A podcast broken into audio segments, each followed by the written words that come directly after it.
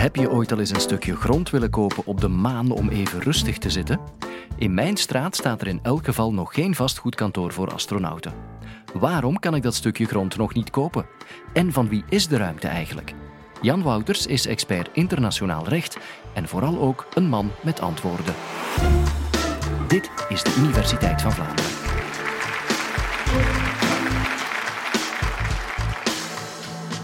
De ruimte heeft altijd onze nieuwsgierigheid opgewekt en onze kennisdrang. We willen meer van de ruimte te weten komen. En toen ik jong was, keek ik hiernaar.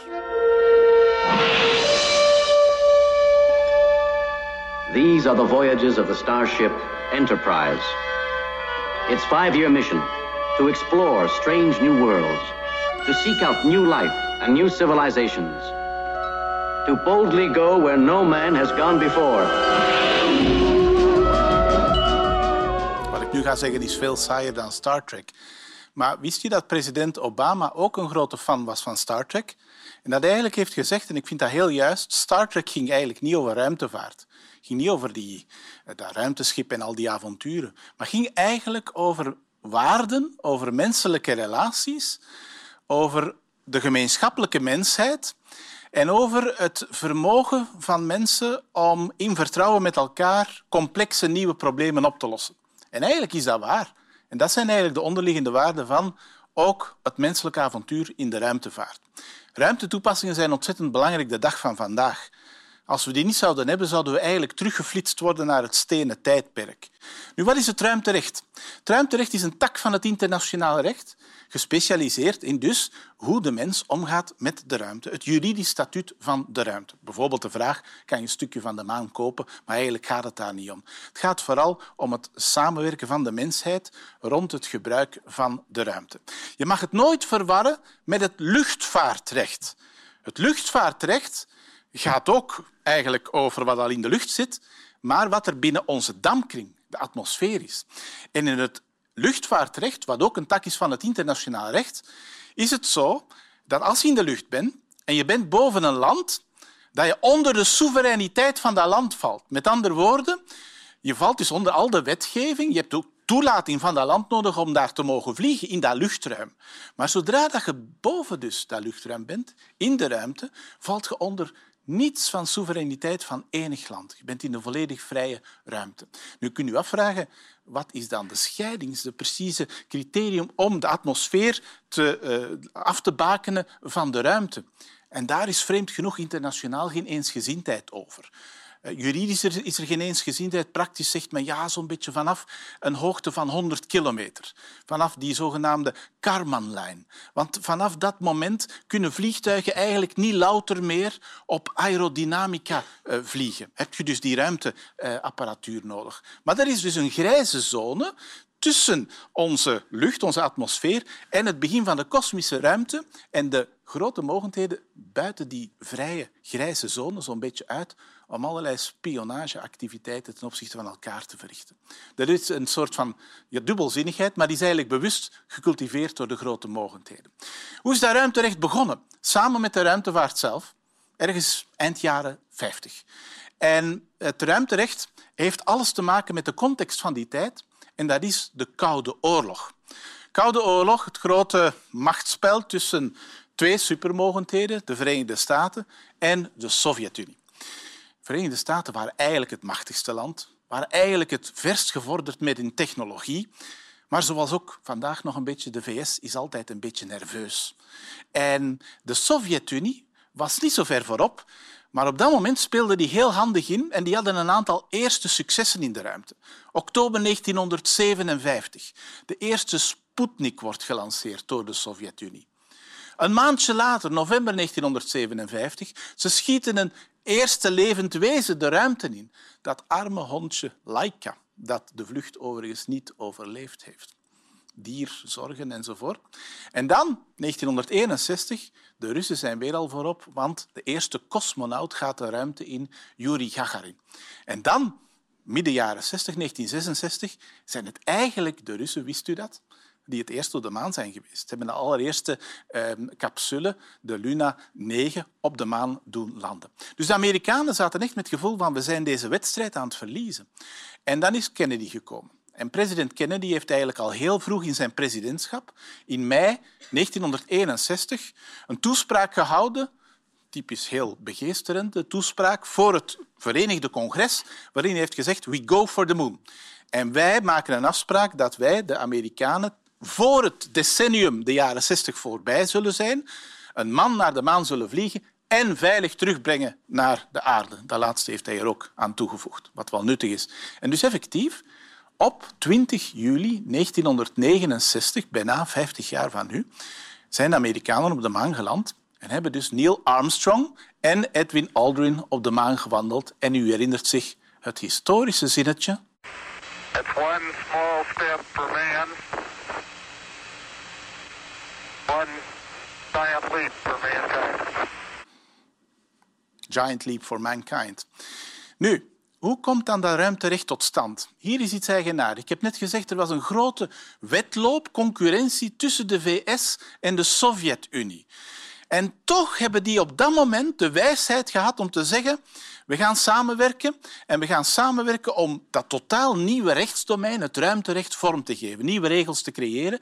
En we gaan dat niet met z'n tweetjes doen, maar we gaan dat doen binnen de Verenigde Naties, de Wereldorganisatie. Dat hebben ze gedaan en hun allereerste doelstelling met het ontwikkelen van dat ruimterecht was eigenlijk te zorgen dat er vreedzaam gebruik van de ruimte zou worden gemaakt peaceful use of outer space. Vreedzaam gebruik, niet omdat ze zo pacifistisch waren, maar dat ze eigenlijk schrik hadden dat de andere mogelijk een militair voordeel zou hebben als die in de ruimte wat dominant zou worden. Dus ze waren eigenlijk op dat moment niet zeker van hun eigen positie en van de voorsprong van de anderen. Dus ze dachten een evenwicht en we gaan zeggen de ruimte moet voor vreedzaam gebruik worden ge, uh, gehanteerd.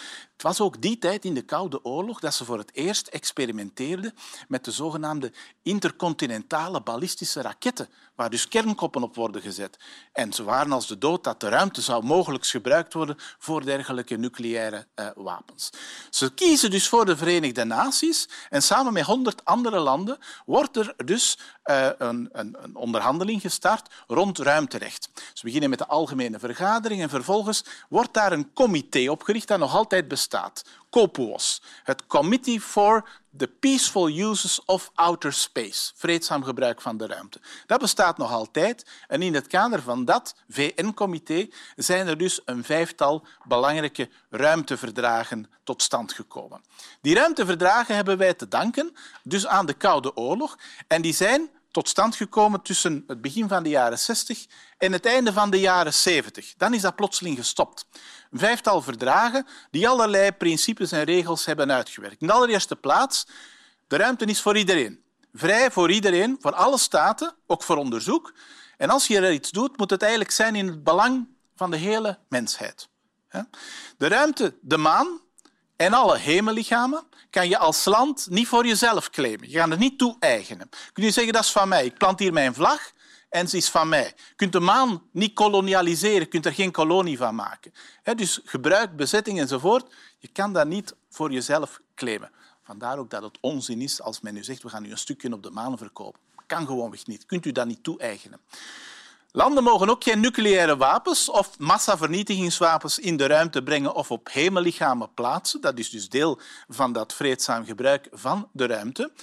De hele maan en andere hemellichamen moeten zogenaamd gedemilitariseerd zijn. En astronauten, dat is een heel bijzonder ras, want die hebben onder het ruimterecht een heel speciaal statuut. Die hebben het statuut van gezanten der mensheid. Gezanten der wat betekent dat eigenlijk niet zo heel veel, buiten dan wanneer je als astronaut terugkomt en je valt dus ergens met je capsule in het midden van een ander land, dat alle andere landen de verplichting hebben om onverwijld en rechtstreeks die astronauten terug over te maken aan de autoriteiten van hun land van oorsprong waarschijnlijk daarin geschreven in die verdragen om spionage en het, het eh, proberen te verkrijgen van inlichtingen onmogelijk eh, te maken. Nu, dat is een, e-, eh, dat is eerste reeks principes. Er zijn nog andere principes. Bijvoorbeeld, je kan zich indenken, ik heb gezegd, het is gevaarlijk, kunnen brokstukken op de aarde vallen. Wat, indien dat gebeurt? Wel, er is een principe dat de lancerende staat, de staat die verantwoordelijk is voor de lancering van het ruimtetuig, dat die absoluut aansprakelijk is voor alle schade die daardoor aan een andere staat wordt aangebracht. Een absolute aansprakelijkheid, vrij uniek in het internationale recht.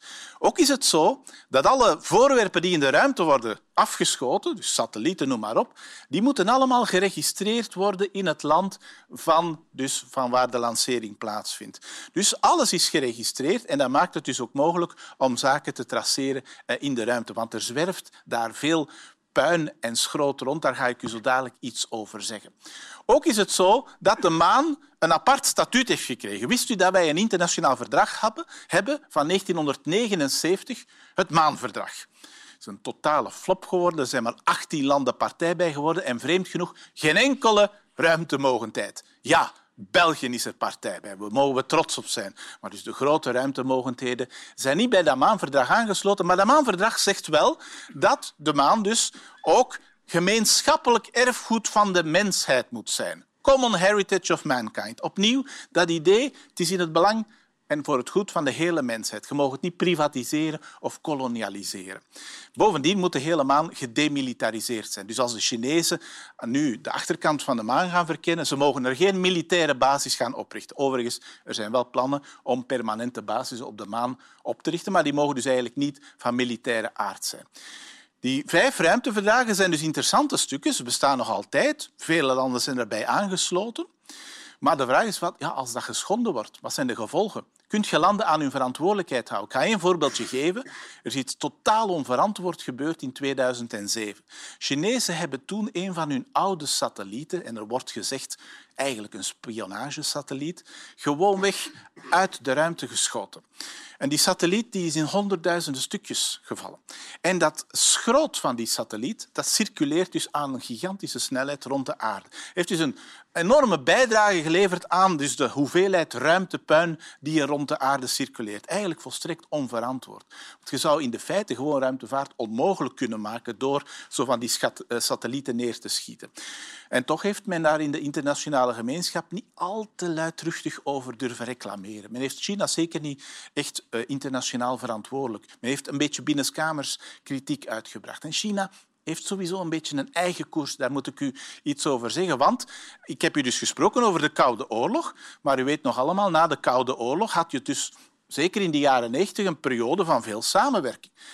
En de Amerikanen begonnen meer en meer met de Russen samen te werken. En zo hebben we eigenlijk gezamenlijk Amerika, Rusland en 16 andere landen een akkoord gesloten in 1998 voor het Internationaal Ruimtestation. ISS, dat nog altijd operationeel is. Frank de Winnen is daar naartoe geweest, Dirk Vriemhout enzovoort. is het grootste wetenschappelijke experiment van de ruimtevaart tot vandaag. En eigenlijk voor een stukje door de Amerikanen gevraagd aan de Russen om mee te werken, omdat ze wilden voorkomen dat die duizenden Russische ingenieurs werkloos zouden beginnen zijn en op die manier aan malafide staten of aan terroristen kern- en andere intelligentie zouden kunnen verschaffen. Dus dat was een manier om de Russen eigenlijk voor een stukje bezig eh, te houden.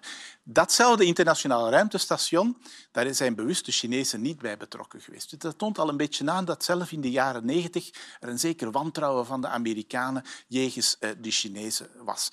Nu kan u zich afvragen, hoe komt dat nu? U zegt er zijn vijf ruimteverdragen. Het laatste is van 1979, dat maanverdrag. Waarom zijn er geen nieuwe gesloten? Wel, landen houden niet altijd van bindende maatregelen. Weet je zo? Regeringen houden niet altijd van een global compact over dit en dat. En dus ook bij het internationale ruimterecht is men in na een zekere verloop van tijd overgeschakeld op soft law. Op dus meer, laten we zeggen, zachte regels die niet dwingend zijn. Resoluties van de VN, technische richtsnoeren, bijvoorbeeld over ruimtepuin. Het voordeel is, als je die schendt, bent je eigenlijk internationaal niet aansprakelijk, want het is geen bindende verplichting voor u geweest. Zie je? Maar dat is tegenwoordig de tendens. En de allerlaatste tendens is dat tegenwoordig landen, vreemd genoeg, nationale wetgeving uitvaardigen over het gebruik van de ruimte. Amerika is eerst gekomen en nu, het eerste land is in Europa die dat gedaan heeft, Luxemburg. Luxemburg. Luxemburg en ruimtevaart wel. Ze hebben een zekere industrie, maar ook, ze zijn heel slim, want ze hebben dus wetgeving uitgevaardigd die het mogelijk maakt voor privé en commerciële operatoren om eigenlijk grondstoffen in de ruimte te gaan exploiteren. Als je me goed begrepen hebt, dan weet je dus ondertussen dat dat eigenlijk toch in een moeilijke relatie staat met die ruimteverdragen. Maar dus, we zijn meer en meer naar het, uh, een tijdperk aan het gaan dat er dus privé en commercieel gebruik zal bestaan en met name exploitatie van natuurlijke rijkdommen, van hemellichamen, van meteorieten, van de maan enzovoort. enzovoort.